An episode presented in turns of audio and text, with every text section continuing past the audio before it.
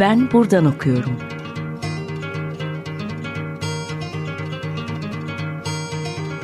Edebiyat ve başka şeyler.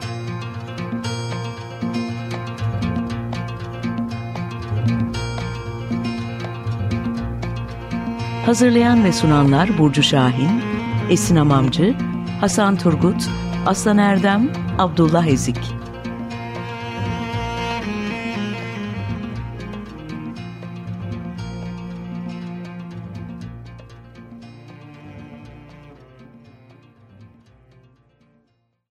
Herkese merhaba. 95.0 Açık Radyo'dasınız. Ben buradan okuyorum programında. Bugün ben Abdullah Evlik, Tara e, Civelikoğlu ile birlikte e, Fransız yazar ve şair Laurent e, Godet üzerine konuşacağız. E, öncelikle program teklifimizi kabul ettiğin için çok teşekkürler Tara. Ben teşekkür ederim. E, ilk önce ben kısaca Tara'dan bahsedip e, Laurent Godet'e geçmek istiyorum. E, Tara e, lisans ve yüksek lisans derecesini Galatasaray Üniversitesi'nden doktora derecesini ise hali hazırda İstanbul Üniversitesi'nden e, alıyor, çalışmasını sürdürüyor. E, akademik faaliyetlerine ise Galatasaray Üniversitesi'nde devam ediyor. Tara'nın e, doktora tez konusu ise e, Fransız yazar ve şair Laurent Godet üzerine. E, Laurent Godet'in eserlerinde e, hibrit eser, e, trajinin bu ifadedeki e, rolü e, ve yazarın, şairin e, metinleri üzerine bir çalışma yürütüyor Tara. E, Laurent Godet ismi Türkçe'de aslında iki romanı çevrilen bir yazar. E, ancak bu romanlara bugün için ulaşmak mümkün değil. Umarım en kısa sürede yeni baskılarını görmek de mümkün olur. E, ilk olarak e, bilmeyenler için Laurent Godet ve temsil ettiği edebi değerden e, biraz bahsederek programa giriş yapabilir miyiz Tara? E, tabii ki. Ee, karşımızda son dönem Fransız edebiyatının önemli ve üretken bir yazarı var. 1972 doğumlu, modern edebiyat ve tiyatro üzerine eğitim aldı. Ee, ve ilk eserleri de tiyatro alanında hatta piyesleri sadece Fransa'da değil ama Avrupa'nın çeşitli şehirlerinde sahneye uyarlandı. 2000'li yıllardan itibaren de tiyatro metinlerine ek olarak romanlar yazmaya başladı. Ve e, Kral Tongor'un Ölümü adlı romanı e, Fransa'da liseliler tarafından verilen Goncourt ödülünü almaya hak kazandı. Daha sonra da Skorta Güneşi adlı romanıyla edebiyat jürisi tarafından verilen Goncourt ödülünü aldı. E, tiyatro metinleri, roman ve romanlarının yanı sıra öykü ve şiir kitapları da kaleme aldı ve almaya da devam ediyor. Ee, yazarın temsil ettiği edebi değer üzerine şunu söyleyebilirim. Ee, Gode, insanlık tarihinin kültürel mirasına ve insanoğlunun tarih boyunca yaşadığı ve yaşamakta olduğu sosyoekonomik, kültürel, politik olaylara son derece bağlı olan ve bunları eserlerine konu eden bir yazar. Ee, biraz daha açmak ve somutlaştırmak gerekirse yazarın eserlerinde sıklıkla mitlere, hikayelere, tarihi olaylara yer verdiğini görebiliriz. Bunun haricinde Avrupa tarihini derinden etkileyen olaylara veya yakın dönemde olan felaketlerin, insanlık krizlerinin yaşandığı coğrafyalara da giderek oralarda yapmış olduğu gözlemleri eserlerini taşımakta. Mesela Haiti depremi sonrası bölgeye yapmış olduğu ziyareti bir eserinde e, işliyor. Irak'taki göçmen kamplarına yaptığı ziyaretler hakkında da eserleri mevcut. E, böylece eserleri her daim güncelliğini koruyabilmekte ve okurları her dönemde kendine çekebilmekte. E, bu değerlerde pek çok açıdan Godet'i evrenselleştiren, her dönemde anlamlandırılabilen bir yazar haline getiriyor. Aslında senin de bahsettiğin gibi Lorango'da şiir, tiyatro ve roman gibi farklı türlerde kalem oynatan oldukça e, velut bir yazar. Yani ben bu kadar üretken yazarlara ayrıca bir hayranlık duyuyorum. Çünkü hem kafasını farklı türler üzerinde işleten hem de bu türler arasındaki sınırları muğlaklaştıran ilginç bir figür kendisini. Sanırım bu yönüyle de çağdaş Fransız edebiyatının da en çarpıcı, e, ön plana çıkan yazarlarından, şairlerinden, oyun yazarlarından biri olsa gerek. Ee, peki e, Loren Godin'in bu çok yönlü kişiliğini ya da bu durum üretimlerine nasıl yansıyor? Godin'in eserlerinin türsel karşılıkları üzerinden ne söylersin? Ee, şimdi Godin'in yazın hayatına tiyatro metinleriyle başladığını e, söylemiştim. E, kendisi de e, tiyatroyu kendisi için farklı kılan öğeleri şöyle açıklıyor. E, bir tiyatro metninin sahneye konma çalışması esna, esnasında metin izleyiciye erişmeden önce pek çok yorumlamadan geçiyor tabii ki. Sahneye uyarlanması, işte dramatürk, yönetmen, oyuncular gibi çok sayıda kişinin çalışması, katılımı ve yorumlamasıyla oluyor. Bunlar da metni sadece yazarın metni olmaktan çıkarıp bir grup çalışması haline getiriyor ve sonuçlar bazen yazar için de şaşırtıcı olabiliyor. İşte yaratı sürecinin bu denli çok katmanlı ve üretken oluşu tiyatro sanatını Godi için e, oldukça özel kılmakta. Bunun haricinde yazar e, herhangi bir türü özellikle belli konuları işlemek için kullanıyor mu sorusuna şöyle cevap verebilirim.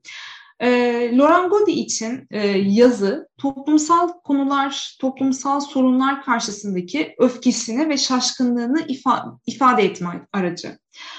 E, bu sebepten ötürü de belli konuları belli edebi türlerde ifade ediyor gibi bir söylemde bulunmak yanlış olur. Ancak edebi türlerin sunduğu teknik araçlar aynı konuyu ilgili türlerde farklı şekillerde ele almasına sebep oluyor. Örneğin roman türü farklı zaman ve uzamlarda geçen hikayeleri daha da detaylandırarak birinden diğerine daha farklı yaratıcı geçişler yaparak anlatmasını sağlıyor. Ayrıca tabii ki roman türünün e, sunduğu bir diğer öğede e, pek çok kahramanın anlatı evrenine dahil edilebilmesi ve bu kahramanların her yönüyle detaylı bir şekilde betimlenebilmesi. Ee, şiir ise yazarın gerçek olayları kurguyu dahil etmeden betimleyici bir anlatımla aktardığı bir tür olarak çıkıyor karşımıza. Ee, Gode ele aldığı her edebi türde olduğu gibi şiirde de tabii ki bir hikaye anlatıyor. Ancak yaşanmış olaylardan e, ki bu yaşanmış olaylardan bahsederek bahsettiğimizde özellikle yazarın o bölgelere yaptığı seyahatler ve gözlemler e, mesela sığınmacıların durumunu gözlemlediğinde bunları özellikle düşünecek olursak bu yaşanmış olaylardan bir kurgu yaratmaktansa hatırında kalanları, kendisinde kalanları, o izlenimleri, hisleri kelimelere dökmeyi tercih etmekte. Bu şekilde türleri e, anlamlandırdığını söyleyebilirim.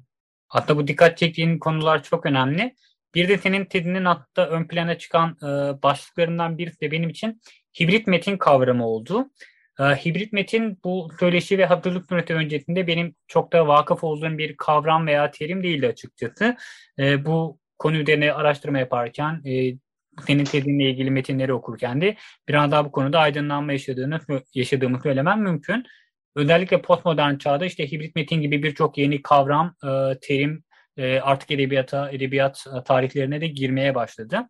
Bu anlamda Laurent Godet de e, hibrit metin e, kavramını herhalde daha da değerli kılan, bu kavram üzerine e, düşünen e, ve bunu eserlerinde de kullanan bir yazar veya şair olarak tanımlayabilirdi onu.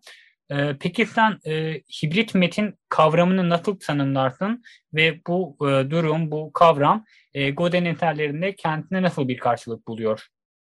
Ee, evet söylediğin gibi hibrit metin pek çok kişi için şu an e, daha bir bilinmez, e, yavaş yavaş e, keşfetmeye başladığımız bir kavram. Hibrit metne melez metin de diyebiliriz. Ve bu kavram bize postmodern dönem edebiyatının edebiyatının ve yapı bozumun kazandırdığı bir kavram. Ee, tabii ki İkinci Dünya Savaşı'ndan sonra değer yargıları, doğru bildiklerimiz bunların hepsini sorgulamaya başladık tekrardan. Ardından 60'lı 70'li yıllar geldi ve bu yıllarda da e, alışılagelmiş değerleri yıkacak bir özgürlük arayışına girdi insanlar. Tüm bu olaylarda tabii ki sanatın tüm dallarına ve de dolayısıyla edebiyata yansıdı. Öde, o döneme kadar mesela olayları meşrulaştırmak için başvuru her zaman için başvurduğumuz üst anlatılar yani mitler, kutsal kitaplardaki hikayeler, efsaneler yapı bozumla beraber e, şekil değiştirerek, yeniden yazılarak, uyarlanarak anlatı evrenine dahil edilmeye başlandı. Ee, daha cesur olmaya başladık. Bazı şeyleri farklı şekillerde ifade etmekten çekinme, çekinmemeye başladık. Ee, bununla beraber sadece e, içerikte değişiklik e, yapma hakkını kendimizde bulmadık. Daha da ileriye gittik. Edebi türleri de e, değiştirmeye başladık. Edebi türler de yapı bozumdan etkilendiler ve kendi geleneksel kodlarına uyum göstermemeye başladılar. Bu da mesela romanda bir roman okurken içinde şiirler bulmamıza, e, şiirde birdenbire düz yazıya yer verilmesine sebep e, oldu ve tabii ki melez metinleri doğurdu. E, Godin'in eserlerini ne hibritleştiriyor? Tam da bu e, hibritleştiriyor. Romanlarında mesela sözlü geleneğin bir parçası olan ağıtları bulabiliyoruz. Acılı bir annenin Cehennemin Kapısı adlı romanında mesela acılı bir annenin ağıtları e, sanki e, e, bir e, yakarışmış gibi ki gerçekten bir yakarış ama sanki biz onu duyuyormuşuz gibi e, romanda e, şiir formatında yerini almakta. Veya mesela e, şiirlerinde, e, tiyatro metinlerinde Nazım'la Nesir'i bir araya getirdiğini e, görüyoruz. Bunlardan çekinmiyor e, ve e, içinde bulunduğumuz dönemin e, verdiği cesaretle yeni ifade biçimleri oluşturuyor. E, aslında çok ne dedin. Hibrit metin kavramını daha iyi anlamak bu şekilde mümkün oldu. Biraz aslında metinler arasılık gibi veya farklı e, metin formlarını aynı anda birbirinin içine geçirerek kullanmak gibi bir anlama sahip bu anlamda hibrit metin. Sanırım bu da bizim yeni metinlere bakarken göz önünde bulundurabileceğimiz önemli bir konu. Belki programın bu noktasında küçük bir ara verebiliriz Tara. Bugün Açık Radyo dinleyicileri için de çalmak istersin. Tabii ki. Ee, ben bugün e, Luke Faulkner'dan Ballad adlı parçayı dinlememizi isterim. Umarım herkesin hoşuna gider. Hep beraber dinliyoruz o zaman. Yeniden merhaba. Ben buradan okuyorum programında Tara Civelekoğlu ile Lorengo Döndürü'nden sohbetimize kaldığımız yerden devam ediyoruz. E, programın ilk bölümünde biraz hibrit eser ve Lorengo'nun edebi e, kimliği üzerinde durmuştuk. Burada bir anda eserlerin içeriğine girerek e, ele aldığı konular ve konu başlıkları üzerinden hareket edeceğiz. E, Tara, e, Loren e, Gode e, eserlerinde geçmişten günümüzde insanlık tarihini ilgilendiren, mitlere, efsanelere konu olan temaları işleyen bir yazar ve şair. Bu yönüyle onun evrensel metinlerle de e, ne derece yakından ilgilendiğini görebiliyoruz. Sana önce işte Irak'da, Haiti'de de burada olanları yani Fransa ve Avrupa coğrafyasının dışarısında da olup bitenleri ne derece yakından takip ettiğini bir de söylemiştin. E, metinlerinde de bu tür konuları ele almasın zaten onun ne derece evrensel düşünen bir yazar ve şair olduğunu bir de gösteriyor ki bence bir e, çağdaş edebiyatçıdan beklenebilecek en önemli özelliklerden bence birisi bu. Onu evrenselleştiren konu başlıklarından birisi bu. E, peki Gode e, bunu nasıl yapar? Onun mit ve efsanelere yaklaşımını diğer yazarlardan, şairlerden ayıran, farklı kılan e, nedir senin için? Ee, evet söylediğin gibi e, çağdaş yazarları özellikle e, değerli kılan bu şekilde duyarlılık göstermeleri dünyaya hani yazarlar sadece odalarında çalışmazlar aynı zamanda yani belki o odasında çalışan yazar formatından artık çıktık dünyaya açık duyarlı yazarlar ilgimizi çekiyor. Ben sorduğun soruya hani direkt e, Godey'i bu mit ve efsaneleri yaklaşımını diğer yazarlardan hani özellikle şu farklı kılar demek ve bir genelleme yapmak yerine onun e, mit ve efsaneleri ele alış şeklini anlatmayı daha faydalı buluyorum. Senin de söylediğin gibi yazar evrensel temalarla ilgileniyor ve bu temalar da toplumsal hafızada ve kültür mirasımızda yer eden ve mit ve efsanelerle de sıklıkla işlenen temalar. Mesela bunlar nedir?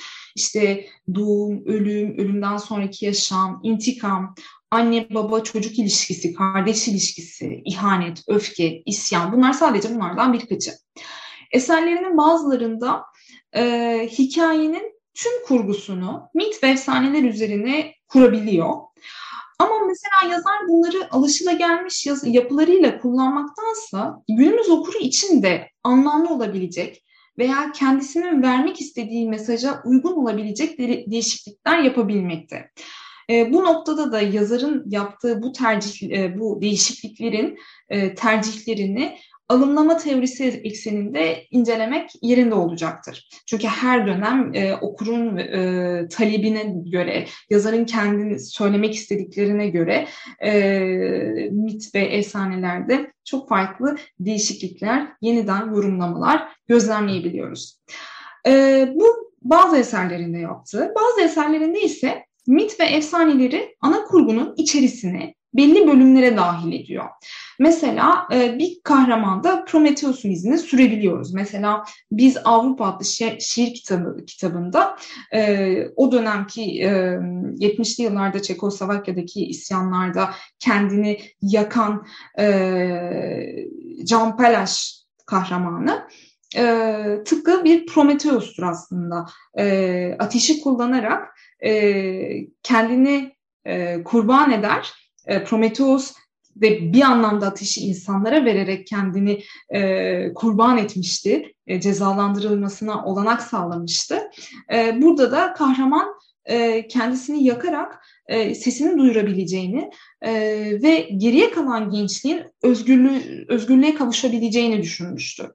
Veya mesela o Öfkeli Onizos adlı tiyatro eserinde e, kahraman e, son derece doğaüstü özelliklere sahip olan kahraman asırlar boyunca aslında burada da işte doğaüstü özelliklerini görürüz. E, asırlar boyunca yaşar.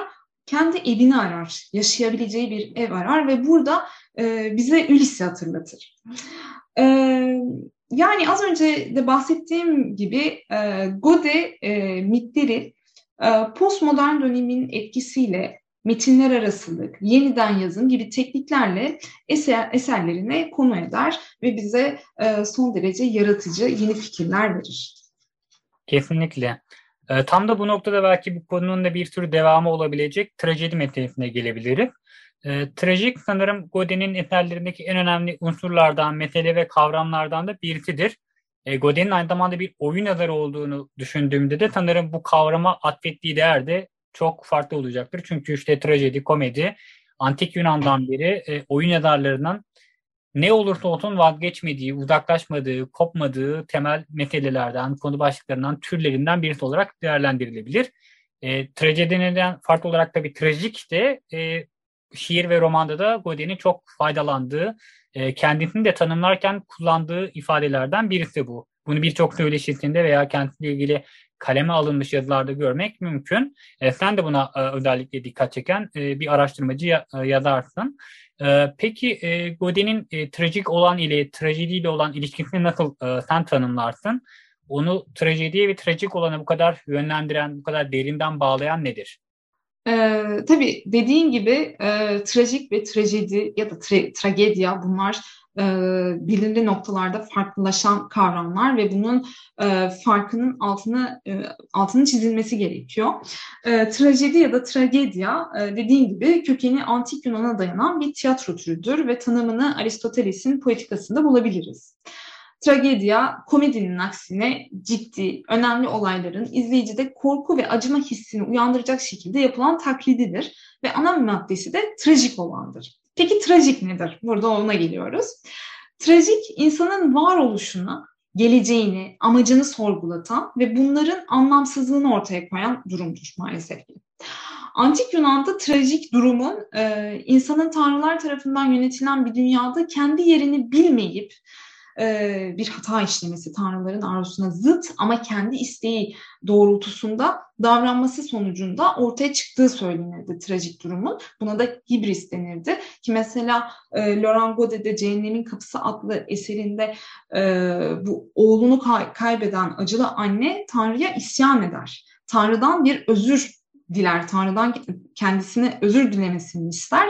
E, ve bunun e, karşılığında da e, işini kaybeder ve e, Tanrı tarafından cezalandırıldığını düşünür. Hatta o kadar ileri gider ki kendisi de kendini cezalandırır.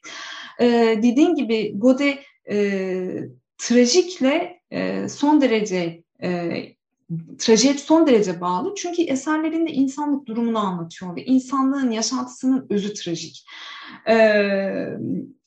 Ee, insanın hayatı aslında bir anlamda trajik diyebiliriz. Çünkü insan e, var o var olur. Ne için var olur? Bir anlamda yok olmak için var olur. Bu da e, unutulmaması gereken bir şey. E, bu noktada e, şunu söyleyebiliriz. E, trajik içerik her tür edebi türde karşımıza çıkabilir. Ama trajedi e, hem antik Yunan'da hem de daha sonra özellikle 17. yüzyılda kuralları çok net bir şekilde belirlenmiş olan bir edebi türdür. Bu bağlamda her trajedinin trajik olduğunu söylemek mümkün ancak aksini söylemek mümkün değil. E, dediğim gibi mesela e, Godin'in e, trajiye olan ilgisi, alakası bu insanlık tarihinin hikayelerine son derece önem vermesinden geliyor. Ve aslında kendisine bir görev veriyor. Bunlar unutulmamalı. Bunların e, her daim hatırlanması gerekiyor. Bunu da nasıl sağlayabiliriz? Yazıyla aktararak sağlayabiliriz. Bu da biz yazarların görevidir diyor. E, ve bunları duyulur kılmaya çalışıyor.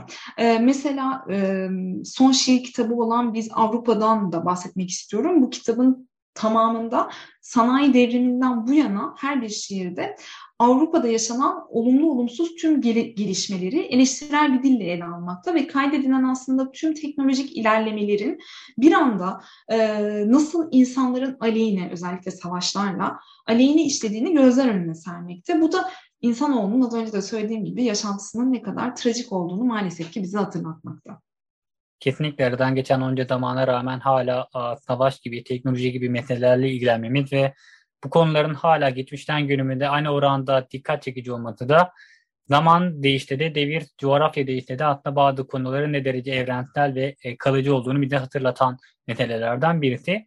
Ki e, Gode gibi bir isminde bu konulara bu derece büyük değer atfetmesi zaten onun yazar olarak kimliğini ve entelektüel olarak nerede durduğunu da bir de iyi, gö- iyi gösteren noktalardan birisi. E, programımızın sonuna yaklaşırken ben aslında bir anda e, Godin'in sıkça e, faydalandığı e, sözlü gelenek ile yazılı gelenek arasındaki ilişkiden bahsetmeni isteyeceğim. Godi üretimlerinde yazılı gelenekle sözlü geleneği bir araya getirirken e, alışılagelmiş tür kurallarıyla da sürekli çatışan, bunları esneten bir yazar. E, Birçok farklı türde kalem oynatması sanırım bu noktada onun için bu konuyu daha da değerli kılıyor. E, son olarak e, Godin'in türleri ele alış ve kuralları yıkma biçimi üzerine ne söylersin Tara?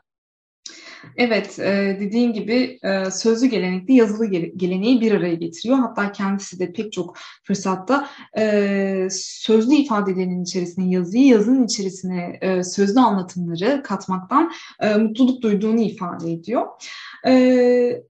Ama Godin'in bu geleneksel anlatı kurallarını son derece doğal bir şekilde günümüz okurunu hiç rahatsız etmeden, şaşırtmadan esnettiğini söyleyebilirim. Yani her yaştan ve her kültürden okur tarafından hala sevilerek okunmasının sebeplerinden birinin de bu olduğunu düşünüyorum açıkçası. Ee, yani e, günümüz okuru da tabii ki artık eski okur değil. Hani eski okur belki e, bu yeniliklere e, alışamazdı, e, anlamlandıramazdı okuduğunu ama artık günümüz okuru bunları bekliyor, bu oyunları bekliyor, kendisinin de bu oyuna katılmasını bekliyor. E, o yüzden de hiç rahatsız olmadığını, şaşırmadığını söyleyebilirim. Ee, bunun haricinde hani edebi türlerin tarihçesine baktığımız zaman edebi eserler e, vakti zamanında epik, lirik veya dramatik türlere ayrılırdı ve her türde kendisine uygun edebi kurallara göre yazılırdı. Ama işte günümüz dünyasında bu keskin çizgiler grileşti ve Godet'de de bunu görebiliyoruz. Ee, yazar e, burada melez metin sayesinde bu karışımı, bu harmanı hazırlayaraktan artık ne sadece bireyin yaşantısıyla ne de sadece toplumun yaşantısıyla ilgileniyor. Artık e, trajiyi de e, konumuza dahil edersek e, artık e, bu melez metinler sayesinde hem bireyin hem toplumun trajiğini aynı eser içerisinde anlatabildiğini söyleyebilirim. E, bir diğer altını çizmek istediğim son olarak e, konu da e, bu Godin'in e, insanlık tarihine ve kültürel mirasına olan saygısını sadece konu seçimiyle, eserlerinde mit ve efsanelere yer verişiyle e, ifade etmediğini, daha da ileriye giderek edebiyat tarihinin kabaca tüm türlerini eserlerinde buluşturarak, harmanlayarak e, bu türlerin de unutulmasına, yok olmasına e, karşı çıkışıyla e, gözlemleyebiliriz. Kendisi saygısına bir anlamda hem konuları hem işte içerik ve formunu bir, birleştiriyor. E, hem konuları tekrardan ele alıyor, unutulmasını, e, unutulmaması için çalışıyor. E, hem de e, türleri de e, unutmamamız için e, onları alıp onların üzerinde değişiklikler de yaparak daha da ileriye götürüp e, bir yazar olarak yaratıcı görevine devam ediyor. Çok teşekkürler Tara. Ben teşekkür ederim. Bugün Tara Civelekoğlu ile Fransız yazar ve şair Laurent Godin eserlerinde hibrit metin kullanımında trajiğin e, rolüne e, dikkat çektik. Hibrit metin konusunu Laurent Godin'i ve onun eserlerini değerlendirdik. E, haftaya yeni bir programda e, görüşmek üzere. Herkese iyi günler.